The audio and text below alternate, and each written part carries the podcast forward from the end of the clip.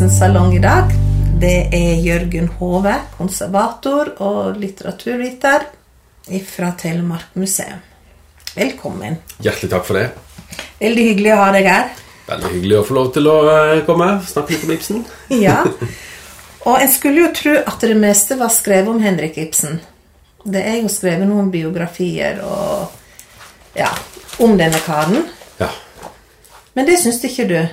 Nei, jeg tenkte vi trengte enda en uh, ny biografi. Ja. Og for en biografi, da. Den har jo satt alt på hodet. Ja. ja, eller jeg har satt et ja, tilbake på plass, tenker jeg litt, da. For det, alle de gamle biografene har jo rotet til dette. De første 25 sidene cirka, av hver eneste biografi som er skrevet om Ibsen, har altså vært helt, helt feil. Man har misforstått uh, hvor uh, Henrik Ibsen kommer fra, hva slags familie det er, og hva slags oppdragelse han hadde. og ja, Hele kulturbakgrunnen hans har vist seg å være da, noe annet enn det vi har trodd i 100 år. Jeg vet ikke hvor lang tid det er. 200 år snart. Ja, og det er jo veldig spennende. For du har jo nettopp kommet ut med en bok som heter 'Familien Ibsen'. Mm. Eh, veldig spennende bok. Jeg har sittet og lest i den. Og det første som slo meg, at her var det veldig mye navn. For du går jo gjennom Skiens historie, eh, de høyere lag. Ja. ja. Det blir forferdelig mange navn. Det er jo en liten sånn bøyg for uh, mange som skal lese den, tror jeg. Men uh, sånn er det nå. Og det, mitt tips til de som uh, leser den og som klager over dette, er å bare ikke hefte deg ved de navnene. Og de som virkelig vil hefte seg ved de navnene, så er det da personregister bak i boken, så man kan Ja. virkelig gå inn i det. Men jeg har prøvd å kvitte meg med så mange navn som mulig, men det er for å kontekstualisere liksom familien og ja, hvem de var venner med, og, og sånt, så, så var det nødvendig å ha med en haug med navn. Ja, men det, det gjorde ikke noe, syns jeg. Men Det det, nei, for dette, du skriver jo det i boka di at uh, dette her er nødvendig for å, å forklare hvordan det, samfunnet fungerte på den tiden. De hadde jo veldig mye med hverandre å gjøre. uh, Men de holdt seg veldig, sånn som jeg skjønte det, de samme samfunnslagene holdt veldig sammen og, og styrka de da. Og Ibsen kom jo fra familie Ibsen. da. De hørte vel til det øvre sjikt. Ja. Og nære venner da med f.eks. med familien Cappel, som var en av de virkelig store skipsrederne i, i Norge. Og, ja, det var embetsmenn og eh, liksom forvalterfamilier fra Øvre Telemark som da konverterer, kan du si, eller eh, tar med seg den gamle statusen sin idet de skal etablere seg som handelsborger i Skien. Det gjelder for mormoren til Ibsen, for hans farfar, og, eh, ja, og også for morfaren.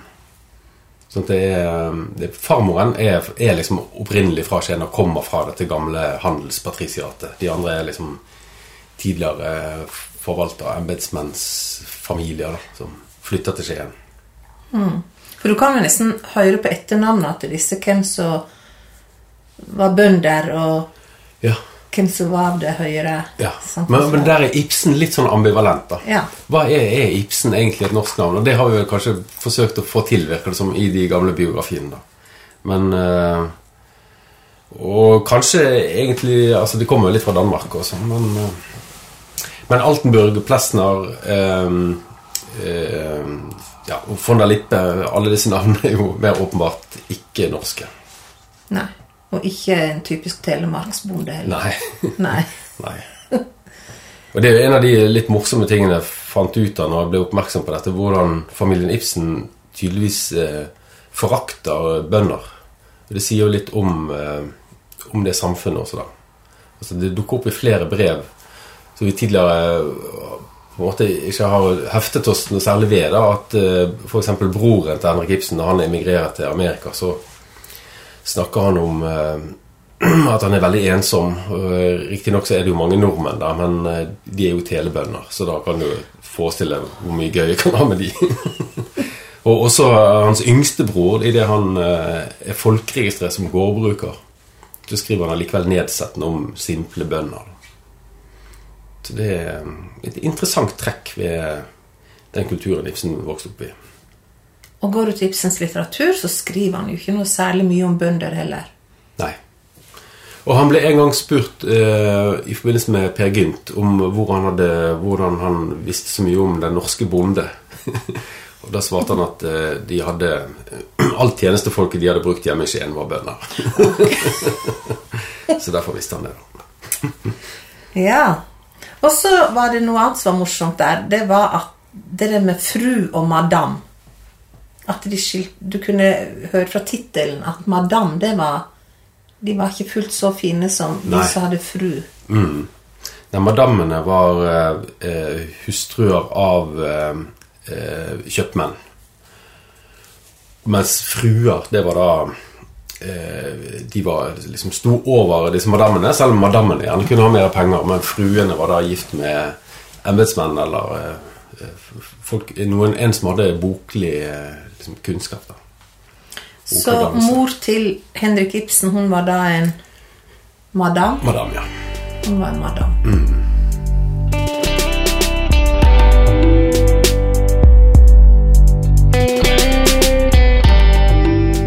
så blir det jo også litt forvirrende, for Hedvig-navnet det går jo igjen flere ganger.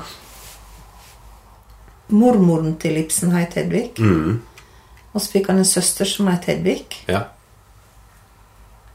Og det er selvfølgelig de som er blitt brukt da som eh, inspirasjon til Villand, ikke sant?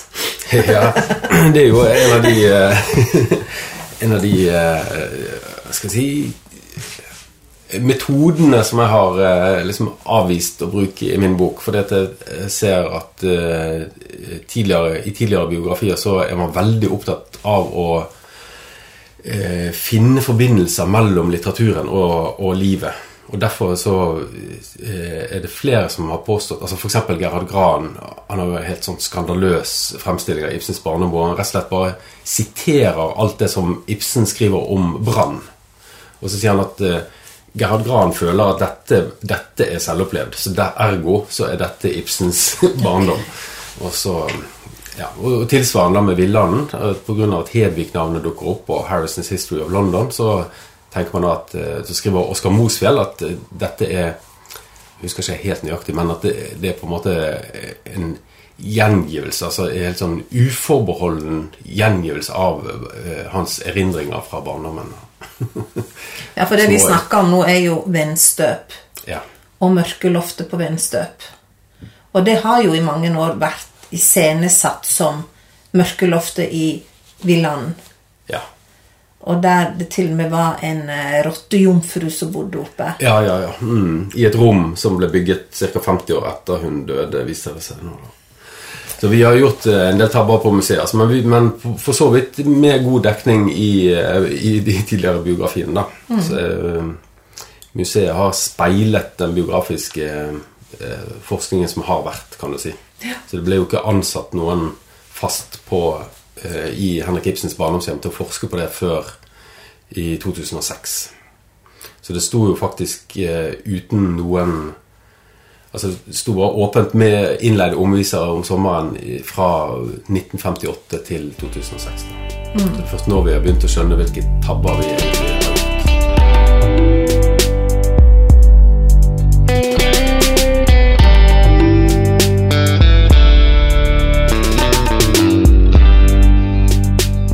Historien om Henrik Ibsen har jo vært slik at han kom ifra en rik familie i Skien, og så gikk far konkurs, for det var et sånn økonomisk krakk. Eh, og så gikk far konkurs, og så levde Henrik Ibsen da i stor fattigdom. Og dette her har satt sine spor i resten av livet hans. Der han har kjent på denne skammen ved å bli deklassert, og, og dette her kan vi da finne igjen i, i eh, litteraturen hans. Og så bruker du da denne boka her til å skrive at sånn var det slettens ikke. Det var ikke noe fattigdom som vi har antatt da, eller trodd. Nei. Var, jeg har funnet ut eh, at i januar, februar og mars i 1843 da hadde de det ganske tungt og usikkert på vennstøp. Men uh, utenom de tre månedene så, uh, så tror jeg at Henrik Ibsens barndom var ganske problemfri og lykkelig, egentlig. I hvert fall mye mye, som materielt sett veldig mye tryggere og bedre enn det alle vi andre nordmenn hadde på den tiden. Men Hvorfor tror du det har blitt en sånn Kall det myte, da. Er det, er det den kunstnermyten? Er det slik at vi vil at disse her store kunstnerne skal ha det ekstra ille og være sultne og kjempe seg fram med en far som er alkoholiker? Og er det det, eller hvordan har dette kommet til? Ja, det er jo veldig interessant, men jeg tror uh, dels at det stammer litt fra en sånn sjangerkonvensjon i litterære biografier. Det ofte er nettopp den kunstnermyten, altså det å komme fra, fra ingenting og så, og så øh, øh, ja, liksom blomstre opp som en sånn fugl føniks eller et eller annet. Jesus, kanskje. At det er noen paralleller der. Men ellers så er det òg uh, mulig at Ibsen At vi har prøvd å presse Ibsen inn i småborgerskap og bondestand for, å, for at vi andre nordmenn også skal kunne identifisere oss med han og på en måte slutte oss til diktningen hans. da. Det har jeg tenkt litt på. Men eh, jeg har ikke gått veldig i dypet av akkurat disse problemstillingene, men jeg har tenkt litt på det mens jeg har jobbet med det. Det er jo det er veldig interessant at det fortelles på den måten. Hva som er behovet. Altså. Men også er det det som jeg var uh, nevnte litt med at uh, at det er eh, forsøket på å få diktningen Altså det å kunne se diktningen i biografien. De skal mm. kunne finne spor av levd liv i diktningen. Det er vel den debatten som er veldig oppe i dag, med Knausgård og Hjort Og, ja, og Ibsen skrev ikke sånn som de skrev. kan man vel konkludere med det. Ja. Men uh, det, er jo, det er jo av og til at en kan finne historier i Ibsens diktning da, som er ganske så parallell med hans eget liv, tenker jeg. Mm. Så det, noen ganger så må en kanskje bare sette fingeren på det og se at her Jeg tenker da på den grønnkledde som kommer med den stygge ungen Eh, og så vil ikke Per Gynt ha noe med den ungen å gjøre. Mm. Og Ibsen han fikk jo et barn når han bodde i Grimstad. Han var en ung mann. Hans, gutten het Hans Jakob uh, Birkedal ja. Henriksen eller noe sånt? Også, Henriksen. Men han ville ikke ha noe med dette barnet å gjøre. Han betalte barnebidrag, men han møtte jo han aldri. Nei. Og da er det liksom litt lett å sette fingeren ned og si at det, eh, Mm, han betalte vel bare barnebidragene sånn når det passet han, virker det som. Ja. ja. Det ble jo et problem, det òg, etter hvert. Ja. så førte han til Bergen, eh, og så er det en helt annen historie. Ja, men Det er jo helt åpenbart at det er sant, At han har levd, og, og, så skriver han etterpå, og at det er noen forbindelseslinjer der. Problemet er det at man har eh, insistert så veldig på det, og så har man eh, insistert på det før man egentlig har formulert biografien helt ferdig. Mm. Og da oppstår det en sånn smitte fra diktningen til biografien. Akkurat som hvis du sier at Kirstine Plau, altså grandtanten til Henrik Ibsen, hun som var søster av morfaren til Henrik Ibsen, da, som bodde på Venstøp i et par år Hvis hun er modell for rottejomfruen i Lille Eyolf, så er det så mye eh, en sånn stank og en sånn stemning på en måte som følger med den assosiasjonen. da, Og som er veldig misvisende i forhold til hun Kirstine Plaus biografi. For hun var jo blant eliten, noe som Rottejomfruen i Lille Eyolf definitivt ikke var. Ja. Kan du si litt mer om hun, for det er sikkert ikke alle som vet hvem Nei. hun er? De færreste vet vel hvem Kristine Plau fra Ulefoss er, kanskje. Ja. Men hun uh, var da uh, født inn i en sånn forvalterfamilie på Ulefoss. Tilhørte eliten i bygda. Og, og så døde moren hennes Altså alle dør egentlig i, mm. i en tidlig biografi. For selv om du var liksom i overklassen på begynnelsen av 1800-tallet, så er ikke det noen garanti for at du skal overleve så veldig lenge. Så hun eh, ja, Til slutt blir hun sittende igjen da med en Etter at moren ja, faren døde først, og så dør moren, og så gifter ja, moren gifter seg før hun dør, selvfølgelig, og så blir hun til slutt da sittende igjen med en stefar som eh, sender henne vekk da til mormoren og morfaren i Kragerø. Så vokser hun opp der, og så eh, vet vi egentlig ikke så veldig mye mer fra skriftlige kilder etter det, annet enn at hun dukker opp i folketellingen i 1801 som bosatt da i huset til broren sin i Skien, Johan Altenburg, Henrik Ibsens morfar. Og så, eh, under det arveoppgjøret hvor, hvor faren til Henrik Ibsen arver eh, Johan Altenburg, altså hele handelshuset, så får han også med seg denne gamle tanten, da, som eh, på det tidspunktet har blitt eh, vanvittig, ifølge folketellingen fra Vensløv.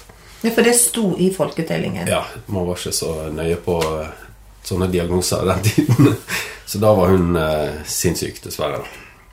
Vi vet ikke hva det var for noe, men eh, det rablet for henne, antagelig. Og så er det jo en masse muntlige anekdoter som er skrevet ned en generasjon eller noe sånt etterpå, da. Som eh, forteller noe om at hun ble forlatt av en sjømann og noe sånt. da. Og det er jo hun da som visstnok skal ha vært rottejomfruen på Mørkeloftet. Ja, men jeg mener det, det skyldes rett og slett bare en feillesning av et intervju med Henrik Ibsen i Dagbladet i 1894, hvor han blir spurt om uh, om han var inspirert av eh, eh, 'Rottefangeren i Hamlen'. Og så sier han at eh, nei, det, han kunne huske en sånn eh, dame fra Skien. Oh ja, og så har det blitt det. Og, og, og, vi, ja, vi, kalte henne for Rottejomfruen, og, og, vi kalte henne for Fasta også, eller noe sånt, sier han. Ergo er det fasta? den har veien bort. Ja, men det er, fars, det er jo ikke Henrik Ibsens fars søster, det er jo hans morfars søster. Så det henger jo ikke på greip i det hele tatt. Dette. Men, eh, men sånn har altså biografene resonnert i et par hundre år før man begynner å undersøke hvor de tar opplysningene sine fra. Og sånn finner man egentlig overalt hvor man undersøker litt i denne Jeg håper at det bare gjelder denne Skiensperioden.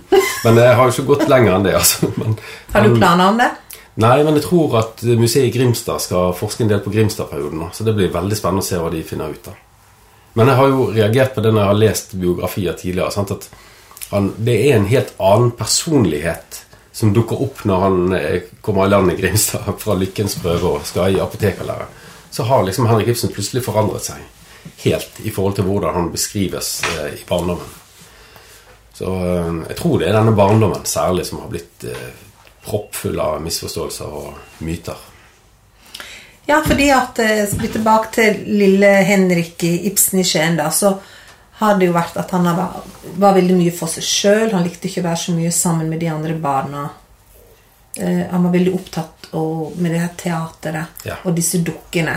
Og det kan kanskje høres litt rart ut at en ung eller et lite barn, en gutt, er så opptatt av å leke med disse dukkene. Men så skriver du at det var jo helt vanlig det i eh, bedre stilte hjem at ja. de lekte med dukketeater. Mm, I hvert fall i uh, Europa generelt. Ikke egentlig uh, Eller vet ingenting om i Norge eller i Telemark, men i hvert fall i, i, resten av Europa så var dette som høyeste mote blant sånne det var en slags PlayStation da, for eh, bedrestilte gutter. Ja. Og, og, noen da sier at han var innadvendt og mutt, øh, var mye for seg sjøl, mens andre beskriver han som munter og lystig og, hmm. og, og når han drog ifra Skien, så var det noen av disse jentene som ropte 'Reis med deg stygge'. Ja, ikke sant? Mens andre syns han var så vakker og, ja. og ja. Det er jo interessant. ja. det som jeg har gjort, da, er jo å Fordi at alle disse uttalelsene, alle de anekdotiske kildene, har blitt tolket av biografene. Mm. Sånn at de, at de, blir forklart. For det, det, at han sitter mye alene for seg sjøl og leker med dukketeater, det, det kan man uh, se på Altså Man kan velge å, å, å, fremstille det på en måte som at han var, ble isolert av de andre. Var, han ble liksom utestengt. Men når du ser um, oppdrageridealet i den kulturen som han vokste opp i, så var det uh, Det var det å uh, leke for seg selv og ikke være med de andre, det var på en måte et ideal for den typen gutter som Henrik Ibsen var. Så han var egentlig flinkeste gutten i klassen? Han. Ja, egentlig var han det, ja. Hmm. Og det var han som ikke ville leke med de. Det var ikke de som ikke ville leke med han.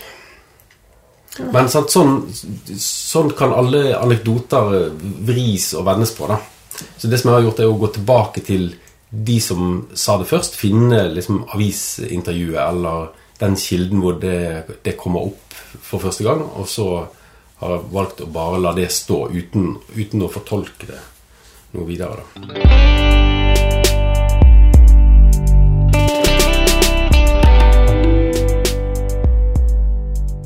Vi må tilbake til dette her at de, det har vært et sånn syn på at de var så fattige. De bodde på vennstøp, det var lite i skapet der, og det var trist og, og fæl barndom for Henrik Ibsen. De måtte telle potetene til middag, sa Francis Bull i eh, litteraturhistorien. Ja. Det er den drøyeste uttalelsen, tror jeg. Men var det før de skulle ha barneball, det, da? ja. ja. ja, det var for å For de hadde jo ball der. Ja, de hadde ball. I all elendigheten så kunne de sette sammen et barneball. Ja, de hadde masse fester, og hvis man skal, eh, hvis man skal lese ut eh, eh, Henrik Ibsen uh, ja, Hvis man skal lese en form for kritikk av Knut Ibsen fra Henrik Ibsens side, så er det jo nettopp det at han sløste. Ja. Det var ødslingen han uh, til faren som, han, som irriterte ham i ettertid. For de hadde jo De hadde jo penger. Og tjenerskap. Og tjenerskap, ja. Og jeg, Det som jeg har funnet ut som er eh, helt nytt, som ingen har skrevet opp før, er jo, som er veldig gøy, da, det er jo denne eh, Det som du kalte for konkursen. Altså det at, han, at de mistet så masse penger i, eh, i rundt 1834-35. da. Og da har funnet ut at eh, eh, det som skjedde, var at faren til Henrik Ibsen han så at forretningene var i ferd med å stramme. Og så oppsøkte han da litt sånn perifere handelsforbindelser, de, eh, altså litt utenom den kretsen som han hørte til i Skien. Og så lånte han masse penger av de, og så sluttet han å betale regningene sine.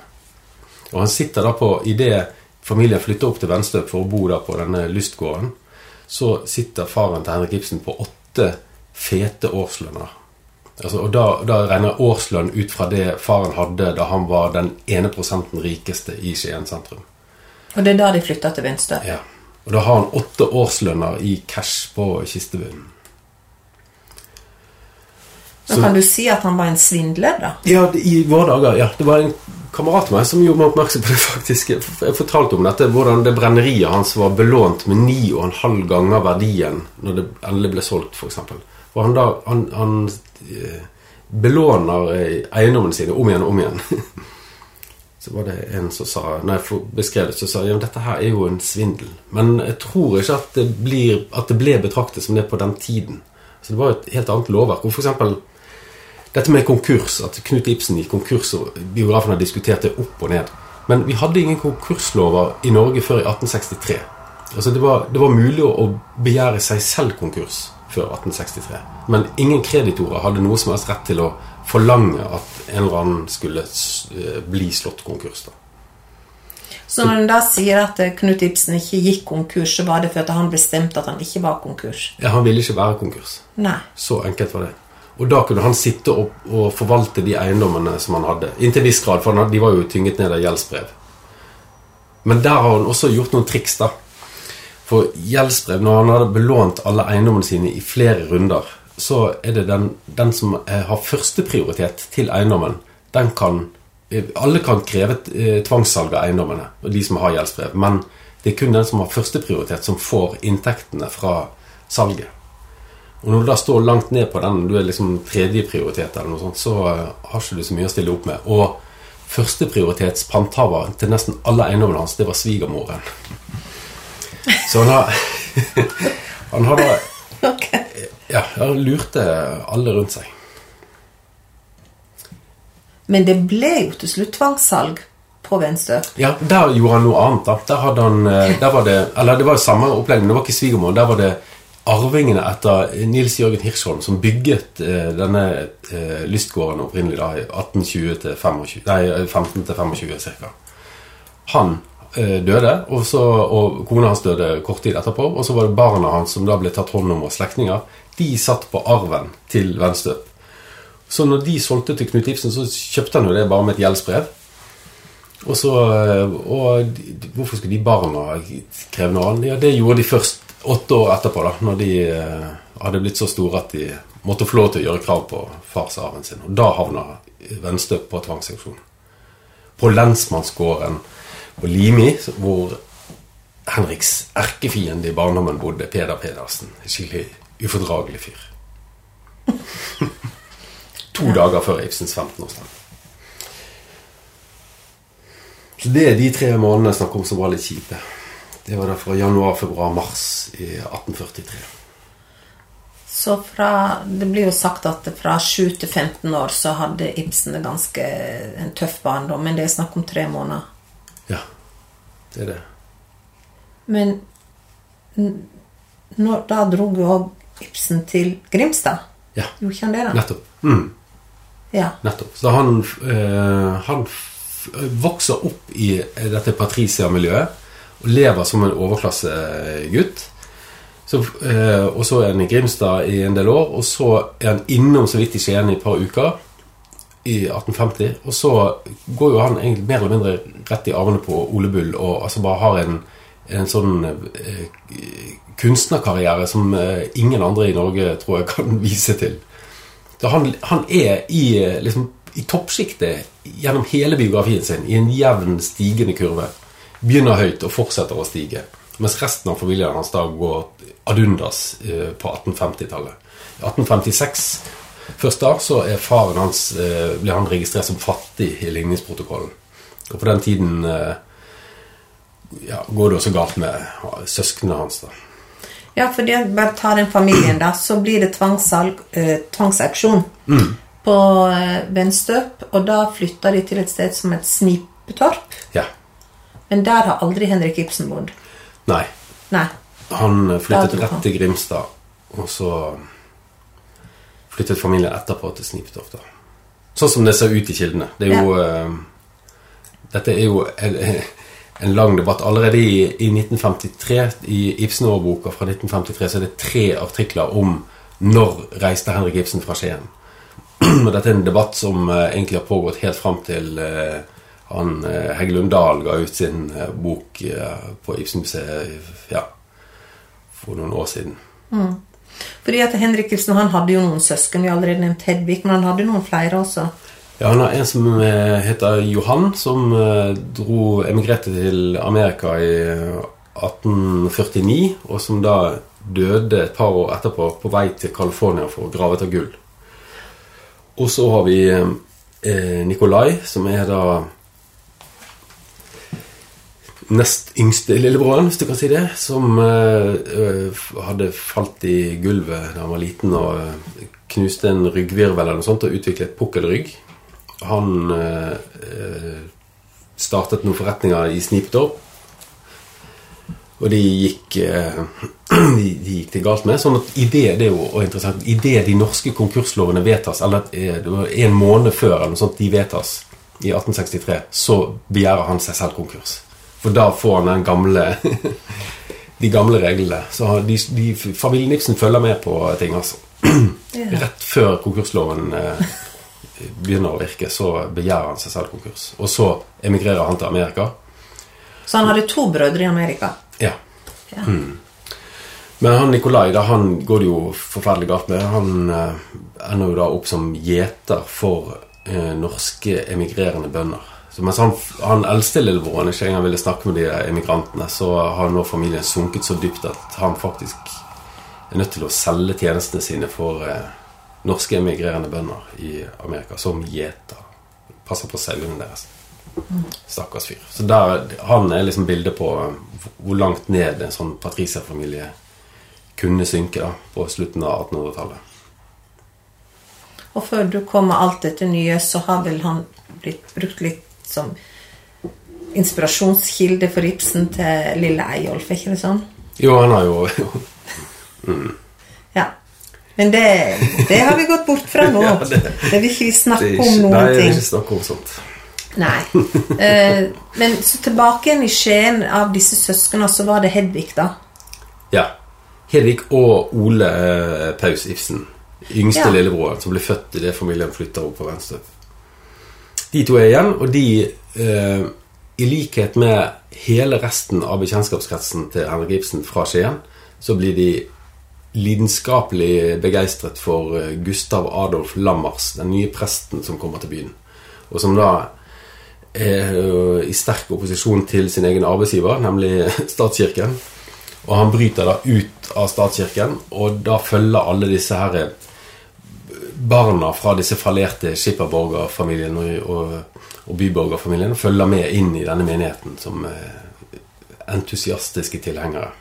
Ja, For han må du snakke litt mer om, for jeg leste litt om han, og det var jo rystende lesing.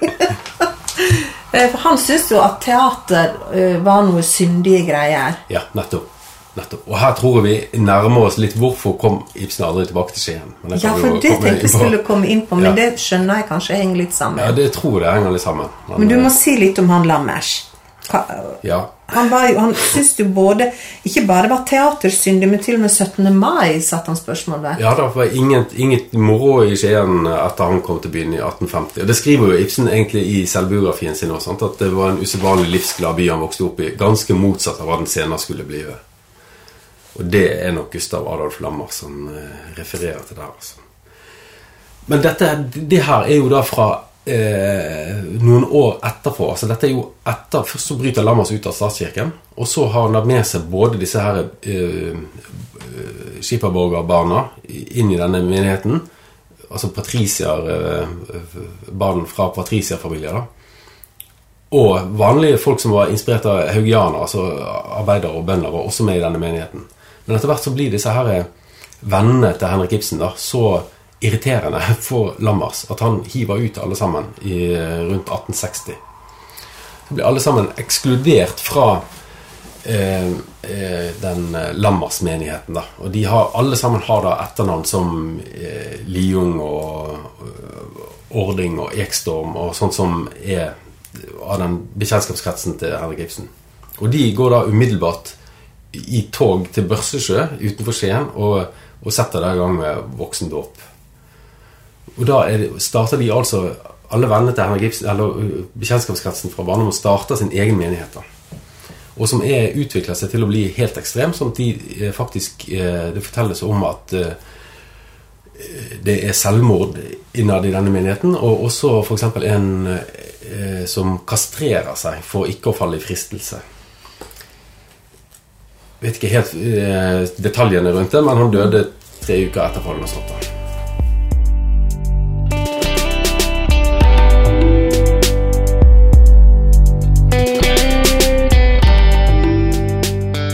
Måtte jo google litt av han er Lammers. Mm.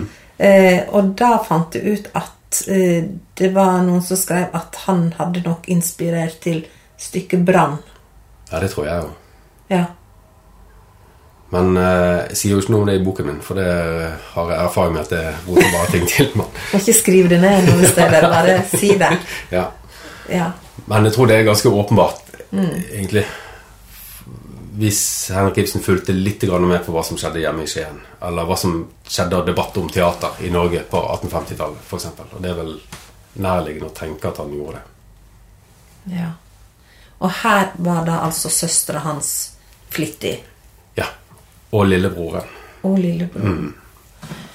Mor, da? Og f.eks. Paul Liung, som han eh, brevvekslet med fra Grimstad, som eh, da giftet seg med datteren til Lammers. Så de, eh, alle disse her var veldig tett på denne bevegelsen.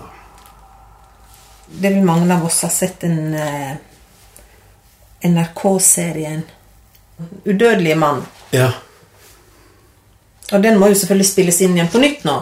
Ja, det er jo forferdelig trist, egentlig, for det var en veldig god film. Men den er jo helt på jordet.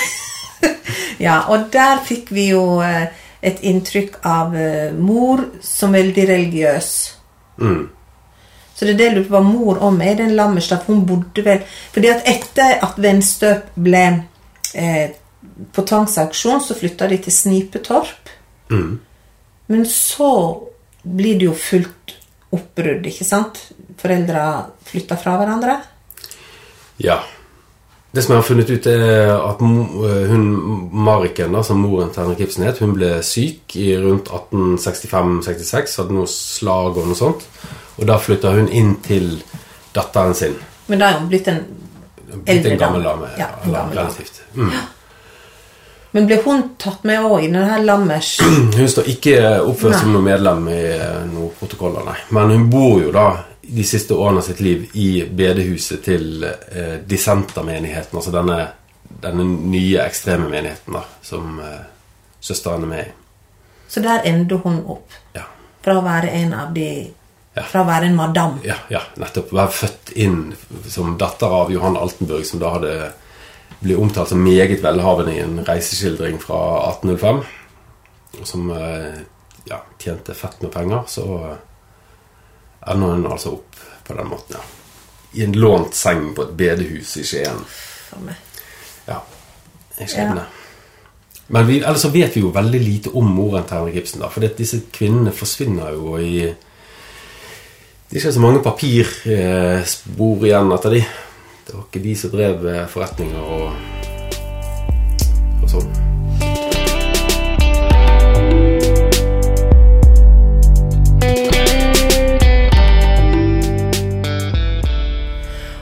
Så da har Marikken flytta vekk fra Snipetorp, og Knut Ibsen, da? Ja, han blir da De siste tolv årene av sitt liv lever han en slags nomadisk tilværelse rundt omkring på forskjellige hybler i Skien, sponset av eh, halvbrødrene sine. Da særlig den yngste broren Kristoffer Blom Paus. Han var veldig sjenerøs. Det var han som ga familien Snipetorp også.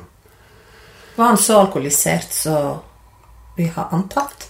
Nei, men det jeg har faktisk funnet ut altså det, det som er helt feil, er at han drakk i Ibsens eh, barndom. Men det gjorde han jo ikke, da. Men, nei, ja, men uh, at han, han drakk nok litt når han var liksom i denne perioden her, da. Hvor han bodde på uh, hybler og levde helt alene og forlatt av familien sin. Og hadde bare noen sånne kristne ekstremister av noen barn igjen som han ikke hadde noe særlig til overs for, da. Så da drakk han litt, ja. Men det er jo også en, altså en kilden som forteller om dette, er jo med i denne her pietistiske menigheten. Og han forteller veldig masse annet som er åpenbart helt feil.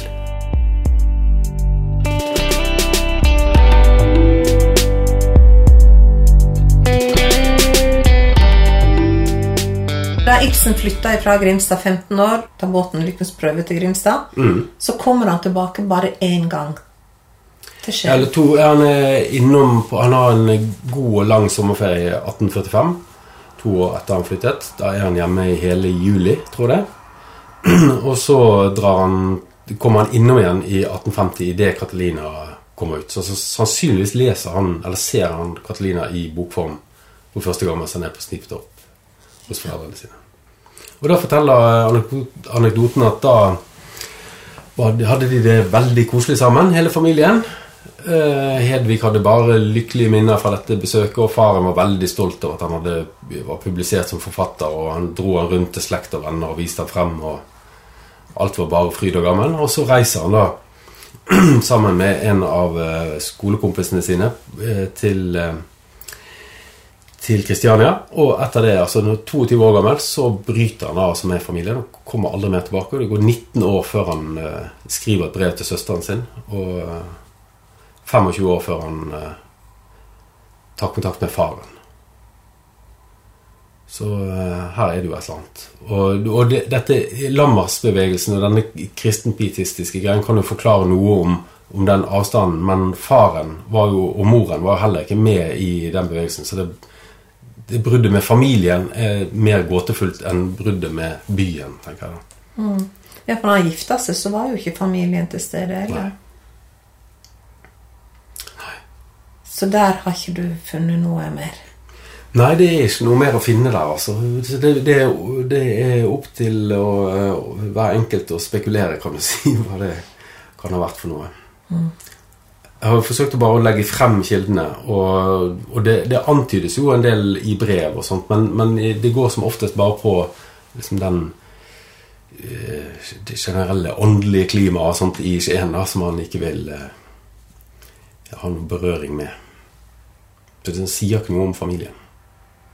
Nei, for det er jo riktig som du sier at én ting er, er Skien og hva som skjedde der, men det trenger jo ikke å føre til et brudd med far og mor. For sånn som du forteller nå, så virker det jo som de hadde et godt forhold. ikke sant?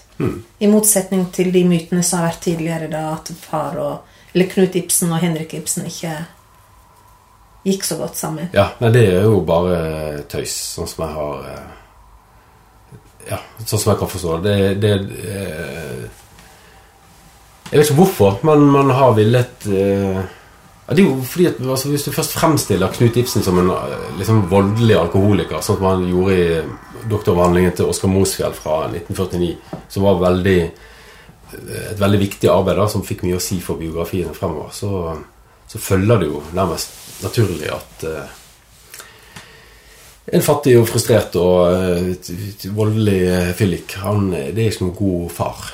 Men Knut Ibsen var ikke sånn. Hvordan vil du beskrive han da? Ja, tvert imot, I forholdet til Henrik så forteller av de som var der da det skjedde De som av Henrik Ibsens egen, egne samtidige, så forteller de at Knut skjemte bort Henrik. Og også i forhold til at han griper inn i dukketeater. Når Henrik har dukketeater, så kommer det noen og lager bråk der. og og sånn. Noen gutter. Og da eh, kommer Henrik, nei, faren til Henrik Ibsen da og griper inn og sier eh, 'la Henrik og dukkene være i fred'. og noe sånt. Dette er jo veldig atypisk for fedre på denne tiden. der. Altså, de, eh, de hadde en veldig tydelig distanse til sønnene sine. Så han var en som Og det at Henrik fikk lov til å ha sitt eget lille kott oppå Venstøp, hvor han kunne pusle med sine egne småting og dukketeater og lese i bøker, det er jo som eh, virka litt atypisk. Da. Det var ingen av de andre søsknene som fikk lov til å ha det på den måten. Så han eh, Ja, han var jo tryllekunstner òg. Ja, det var han noe. Men jeg tror det var et godt forhold mellom far og sønn. Det er jo ganske godt å vite da, at eh, Henrik Ibsen hadde, hadde en god start på livet. Mm. Ja, det er fint. Jeg tror ikke han hadde vært der han hadde vært uten en god start på livet. i livet. Kanskje det skal mye til, i hvert fall. Ja. Men alt dette her, det gjør jo at ting må skje på vindstøp nå, ikke sant? Ja, Nå må du fortelle om alt det spennende der, altså. ja det er veldig, eh, veldig gøy egentlig å avslutte liksom, arbeidet med boken med å finne ut at vi må restaurere hele barndomshjemmet på nytt også. At det får uh, sånne fysiske eller materielle eh, utslag. da. Det er ikke bare en historie, men at det også er interiøret i museet som vi har trodd var restaurert. Og som jeg har lest av han som restaurerte det, at dette var ekte, på en måte. I, eh, sånn som de betraktet det på 1950-tallet. Ja, for jeg har hørt at du har begynt å rive der oppe sjøl. Ja, jeg har det, faktisk. Etter mye nøling fra eh, mine kollegaer. De var ikke så uh, ivrige på at jeg skulle gå løs med, med brekkjern. sånn. Men jeg fikk lov av fylket, og jeg har fått lov av alle. Og nå har jeg funnet ut hvordan det egentlig så ut i barndomshjemmet til Henrik Ibsen. Og det vi har da ikke formidlet, det er dagligstuen til familien Ibsen. Det er eh, pikeværelset, og det er kjøkkenet. Vi har formidlet et kjøkken som ble bygget i 1880 av en bonde. Og du kan tenke deg da Det kjøkkenet så jo annerledes ut. For det, han bonden spiste nok først og fremst grøt, tror jeg. Så det hang bare en sånn gryte over bålet der som kunne varme den grøten. Mens Patricia-familien Ibsen hadde jo store selskaper. De hadde en enorm kjøkkenpeis med eh, innebygget eh, ovn.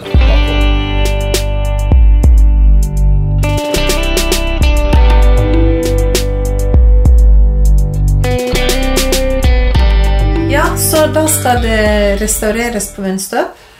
Og Ja. når skal det stå klart? Det har ingen peiling. Det er helt eh, i det blå foreløpig, men nå driver vi og organiserer liksom, eh, hvordan det arbeidet skal foregå. Da. Men vi har fått eh, en del penger i hvert fall til det, så vi er ikke helt i mål ennå. Men vi håper at vi at vi skal klare å finansiere det sånn at vi kan vise frem hvordan det egentlig så ut der hvor Henrik Ibsen bodde. For det vi har vist frem i dag, viser seg at det er egentlig bare ett rom som er helt korrekt restaurert. da. Og det Det er salen i Sal. liksom, den store festsalen hvor Henrik opptrådte med tryllekunstnere og sånt når de hadde fest. Så Ja. det er helt riktig restaurert. Men ellers så har de eh, det som jeg fant ut, da, at jeg har jobbet veldig lenge med den der eh, Hva i all verden var det egentlig som skjedde der oppe når vi, som endte opp med det museet vi viser frem i dag? Så er det rett og slett at man har fulgt bygningsantikvariske prinsipper. Eh, Altså Man har brukt bygningen som kilde, og ikke branntakster eller sånne ting. Man har bare sett på bygningen, hvordan eh, Ja, hva er de eldste elementene her? De må vi ta vare på. Og så har de gravd seg frem til de finner noe som eh, ser ut som det er gammelt, og så tar de utgangspunkt i det og bygger videre på det. Ja, for dere har branntaksten ifra Ja, nå har vi gjort en skikkelig jobb. Sant? Nå har vi både intervjuet med de eldste gjenlevende beboerne av Venstøp da det ble restaurert. For det var den, eh, den kilden som da satte meg på sporet av dette, egentlig. da. For de beskrev jo et helt annet hus enn det vi viste frem. Og så har jeg gått videre i eh, branntakstene og funnet ut eh, etter mye om og men vi måtte, igjen, vi måtte tilbake til 1831 før vi fant en takst som var eh, ja, Som beskriver nøyaktig rom for rom hvordan det ser ut i huset. Men nå har vi også eh, hvert enkelt rom beskrevet sånn med vinduer og brannmur og ovner og sånn at det er egentlig ganske lett å, å følge. da. Men de gjenstandene som var der når Ibsen bodde der, da, de ble jo da solgt under tvangsauksjonen. Eller har dere mulighet til å få det originale Nei, møblene på plass? Nei, det kommer vi aldri Vi kommer aldri til å klare å møblere det med autentiske møbler. Men vi, vi har jo en del gjenstander som har fulgt familien hele veien. ble en eh, peisblåser, f.eks. Mm. Og noen sånne småting. da, Tekopper og litt sånn nips. Men eh, vi må nok trekke litt sånn analogislutninger til hvordan det så ut andre steder, hva som var vanlig. da. Det, Det kan jo hende at det sitter noen hjemme med et eller annet. ja, det kan hende. Folk begynner å leite litt. Mm. Ja, det var gøy. Ja.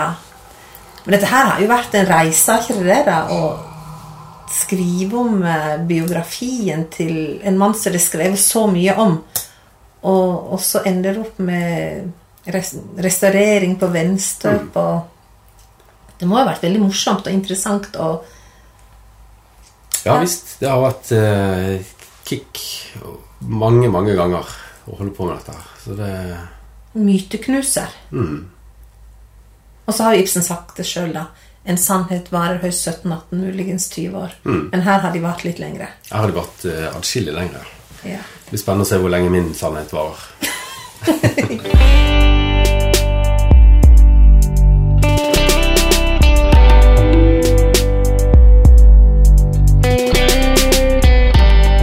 Så har vi eh, et spørsmål som vi stiller alle gjestene våre helt til slutt. Eh, og det er ikke ditt favoritt-Ibsen-stykke, men om det er et stykke av Ibsen som du vil trekke fram det Selvfølgelig kan det være favoritt, men er det et stykke av Ibsen som betyr mye for deg, eller som du har hatt spesielle opplevelser med, eller som du har et sterkt forhold til?